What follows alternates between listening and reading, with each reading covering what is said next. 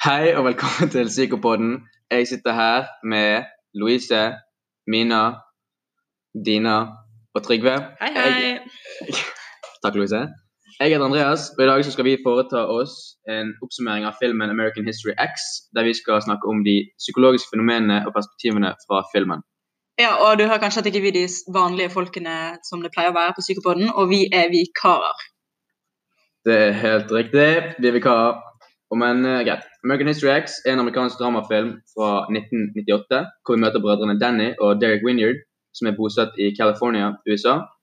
Uh, brødrene har tidligere mistet faren sin, som, er, som ble skutt og drept av en, en svart narkohandler. Dette her er starten på eldstesønnen Dereks trøblede liv, som etter hvert blir leder for et nynazistisk parti. Uh, dette fører også videre til at Derek skyter og dreper to svarte. Ikke meningen å le mens jeg sa det. Uh, dreper to svarte innbruddstyver på brutalt vis. Han får ubehagelig, en ubehagelig fengselsstraff på tre år, der han opplever grusomheter og omveltninger av holdningene sine.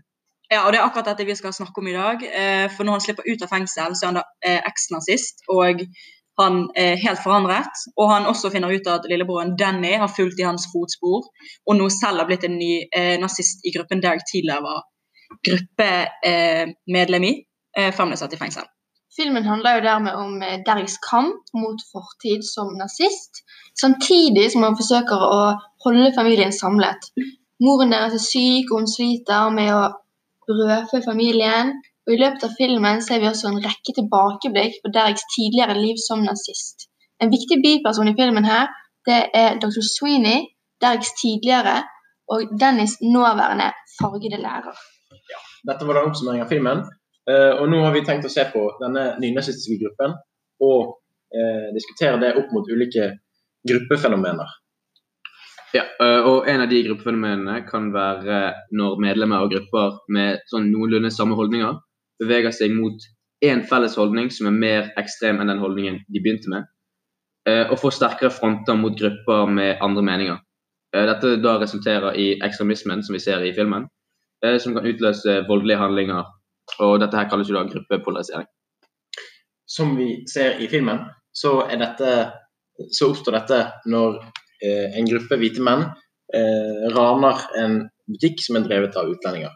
Disse hvite mennene eh, var utstøtt fra sine miljøer og kom sammen eh, der de sannsynligvis hadde eh, en del holdninger fra før rettet mot utlendinger. Allikevel var disse her holdningene ikke like ekstreme før de kom sammen i gruppen, for da endte disse holdningene opp i et sterkt hat mot utlendinger. Ja. Og dette kan vi jo da knytte opp mot gruppetenkning. Og gruppetenkning, det er jo når eh, en gruppe tar forhastede beslutninger, ofte fordi at en sterk leder med sterke meninger viser vei, og de andre medlemmene i gruppen ser veldig opp til denne lederen. Og her i filmen er Derek blant denne sterke lederen. Ja, og eh, som vi ser når de skal f.eks. angripe den der eh, butikken, der syns jeg var ganske sykt at de ikke hadde noe egen tenkning, men de bare gikk rett på og raserte hele butikken. Helt enig. Ja, og denne nazistgruppen de har jo flagg, symboler, altså enkeltindivider som Derek, eh, og musikk som kan forsterke denne fellesskapsfølelsen. Og da kan jo også teorien om inngrupper og utgrupper være relevant å snakke om. Altså, Dette skaper på en måte en vi og de andre-tenkning, og at alle hvite er vi, og alle andre etnisiteter er de andre, og dermed mindre verdt. Ja, og dette er jo ganske sykt med tanke på for vårt synspunkt å se på. Eh, men et annet eh, et eksempel på dette er hvis vi trekker inn Mustafa Sheriffs Robbers Cave, der vi ser egentlig at helt normale gutter da, plutselig eh, blir satt opp i to forskjellige grupper, og de fikk stereotypi og fordommer mot hverandre, som vi egentlig da ikke skulle trodd, for de har sikkert en helt normal oppvekst som de fleste andre barn. Og vi så også at de begynte å gjøre ting med litt sånn voldelige ting jeg tror ikke de ellers hadde gjort. Så vi ser hvor sterkt dette faktisk kan være med disse inn- og utgruppene. da.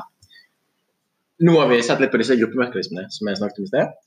Eh, og nå har vi tenkt til å se på hvordan Derek eh, oppfører seg, men ikke minst hvordan det påvirker hans lillebror Benny. Ja, og dette er jo veldig interessant å se på, hvordan Dereks sosiale kompetanse utvikler seg ut gjennom filmen. Eh, Ja. Denne sosiale kompetansen kan eh, deles inn i fem ulike ferdigheter. Eh, den første er da empati. Eh, empati det handler om det å kunne se ting fra flere sider og ha forståelse for andres situasjon. Eh, det å være medlem av en nynorskgruppe og eh, se ned på egentlig alle andre som ikke er hvite og har blondt hår og blå øyne, sier noe om deres sannsynligvis mangel på empati. Ifølge min mening, i hvert fall. Ja, enig der. Ja. Og om vi ser på, på Derek som person, da, så ser vi at han er en utrolig voldelig person.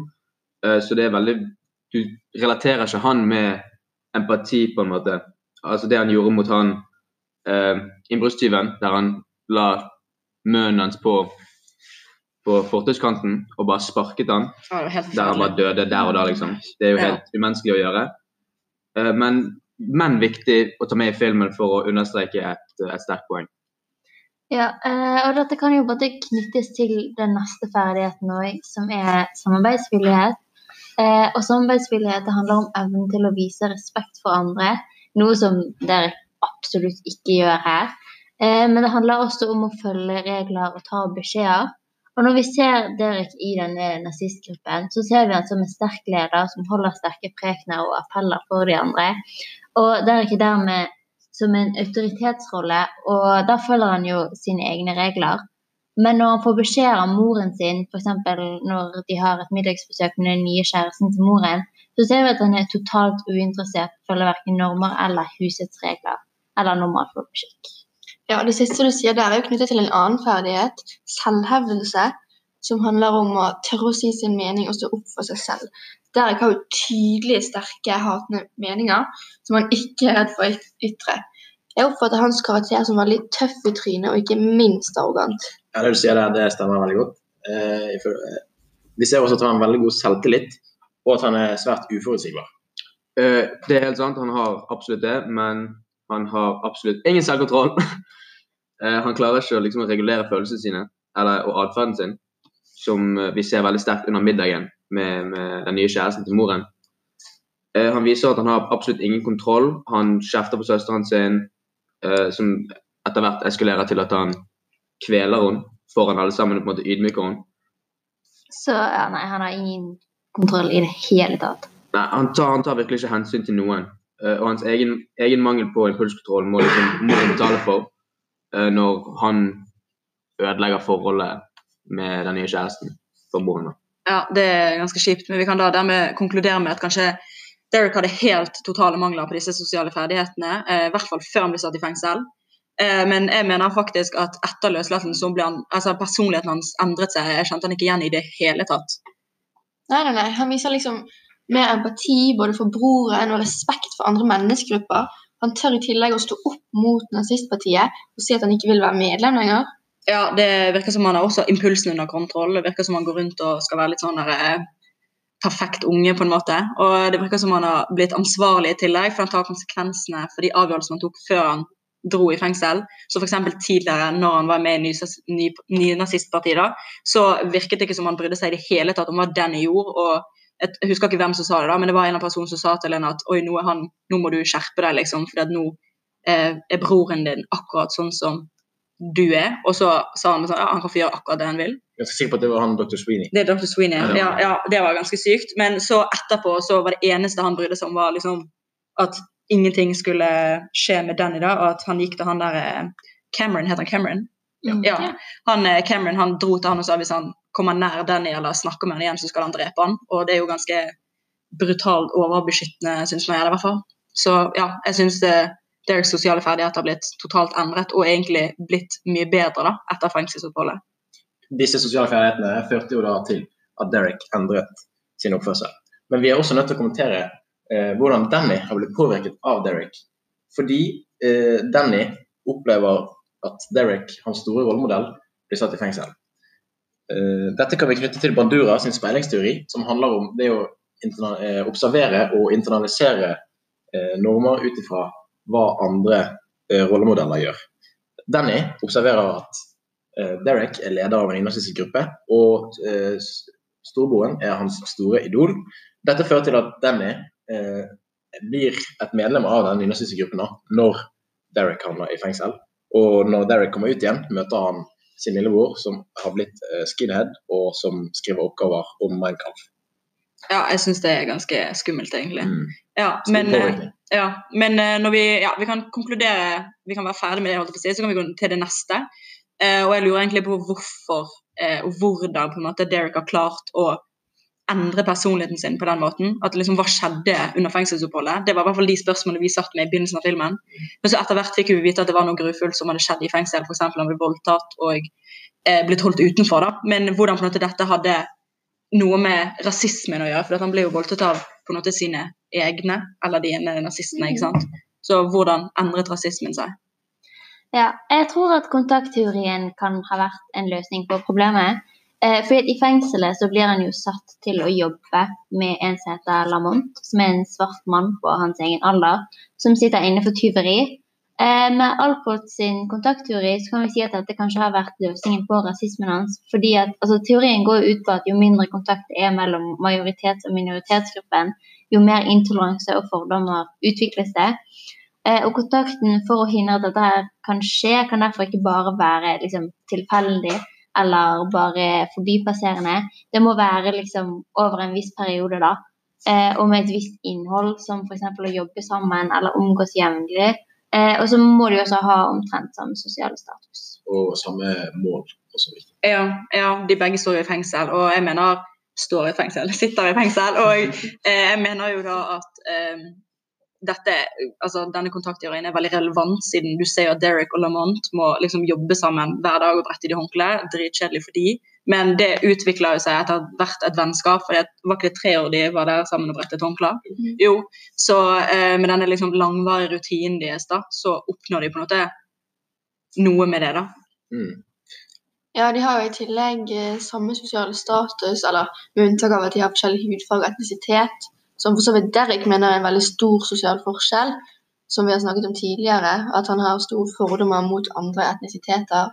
Og disse fordommene som du snakker om, oppstår sannsynligvis på grunn av, eller Noe av grunnen var at faren hans var rasist. Eh, og når faren ble drept av en svart person, så klikker det for Derek, som vi da til og med ser på live-TV. Ja, det er ganske skummelt. Eh, og ja, dette må nå ha ført til diskrimineringen og det der eh, med at han 100% endrer på en måte holdningene sine. For at vi ser under middagsbesøket Jeg tror vi får vite det helt til slutten av filmen. Så sitter han og snakker med faren, og så får vi vite da når faren vi får vite at han er rasist, på en måte, så har han egentlig helt vanlige holdninger mot svarte mennesker og sånn. Men jeg tror dette liksom har ført til at han har blitt helt annerledes. da. Eh, så når vi trekker inn Allport sin teori, så tror jeg dette eh, denne toleransen for og egentlig mot andre kulturer øker skikkelig når han snakker med Lamont. Og en annen ting jeg synes er veldig viktig eller kult med filmen, da, er at på slutten når eh, han blir løslatt, så sier Derek til Lamont at um, Thinking the only reason I'm getting out of here is uh, in one piece is because of you. Og det understreker jo skikkelig egentlig hvor mye det vin vinskapet, vennskapet betydde for Derek. Ja, uh, Derek har jo absolutt fått uh, utrolig mange nye innblikk etter, etter det fengsels fengselsoppholdet. Tror det bare var, eller det var jo viste seg å være veldig godt for han. Han har fått mer eh, multikulturell kompetanse, som i dette tilfellet da er åpenhet og respekt og forståelse for eh, andre etnisiteter. Eh, dette er jo da sterkt knyttet til de sosiale ferdighetene vi snakket om i sted. Eh, og dette har, vil jeg si, i hvert fall vært en stor del til at han har endret meninger og kanskje mest sannsynlig holdninger da, mot Mm. svarte mennesker i, Ja. i senere tid etter han kom ut av fengsel. Ja, og Dette kan vi jo koble, koble opp mot uh, Piagets kognitive teori om akkommodasjon og assimilasjon. Vi kan se at Derek enten har endret sine kognitive skjemaer om svarte folk, eller laget et nytt skjema ved denne nye kunnskapen. Ja, for han ville jo ikke snakke med han i det hele tatt i begynnelsen, og så etter hvert så fant han ut at oi, han her er normal, han er skikkelig morsom. Så Vi kan le Ja, sammen, ja. vi kan le sammen liksom. ja, ja, vi kan faktisk le sammen, selv om vi har forskjellig hudfarge. Wow! Men eh, ja, jeg syns det var greit. Eh, så lurer jeg egentlig En annen ting jeg faktisk lurer på, og det er jo på en måte eh, Hvis vi går inn på litt mer sånn psykologisk, hvordan da holdningen har endret seg. For hva er egentlig en holdning? En holdning er definert som eh, en, et helhetlig da, tankesett mot andre grupper, og består av tre komponenter. Eh, det er da tanker, følelser og atferd, som vi snakker ellers mye om i psykologi. Eh, I løpet av disse eh, møtene med Lamont så endrer Derek tankekomponenten sin. Er det det han endrer først? Eh, ja, ganske sikker, fordi han, han skjønner på en måte at eh, de som er mørke i huden, har, er jo egentlig helt like som han selv. Og som vi sa i sted, at de kan le sammen. og At han da endrer sin oppfatning da, av eh, mørkhudede. Og når han da endrer sin tankekomponent, så eh, henger ikke dette på, eh, sammen med følelsene hans og atferden hans, som han da har drevet tidligere mot denne gruppen. Og det oppstår en eh, såkalt kognitiv dissonans, en slags, eh, et slags ubehag. Eh, og for å ha, eh, slippe å ha dette ubehaget, så ser vi jo i løpet av filmen at han endrer sin holdning da, overfor mørkhudede. Ja, jeg synes, altså Nå virker det som om hele filmen skal ende godt, og alt det der, så jeg synes egentlig det var skikkelig Hvis vi ser på slutten av filmen, da, så synes jeg det var skikkelig kjipt egentlig at det sluttet som det gjorde. Eller hva tenker dere? Veldig enig. Ja. litt vanskelig å forstå hvorfor han skøyt han. Fordi eh, han, Det virker som han bare ble skutt pga. at han ble røyket i ansiktet eh, i midten av filmen. der. Ja, Eh, men filmatisk sett så fungerer den jo ganske bra, fordi du sitter igjen med ganske sterke inntrykk. da. ja jeg syns det, var- unødvendig trist. Altså, Ja, det hadde- hørte jo i hvert fall meg. Ja, jeg så at det var kjempemange i salen sal i klasserommet som gråt. Og for å være helt ærlig så hadde jeg helt fint klart meg uten Men- noen hadde dødd. Å avslutte en så sterk film om eh, holdninger og rasisme med eh, lykkelig slutt der alle har det fint, det syns Ja, jeg har synes det, riktig det understreker poenget til filmen ganske eh, veldig bra. Ja, men må han dø? Altså, må det være så trist? Nei, men du tenker jo på det, da, og da, det får deg til å tenke på mer ting med filmen som Mm. kan være det regissøren ville. Ja, Ja. sant det. Ja, ja. Ja, så det var litt om uh, American History X. Ja. Vi håper dere har uh, kost dere like mye som vi har. Jeg håper dere kanskje har lyst til å se han og skrive, lage en egen podkast om temaet. Så ha det bra.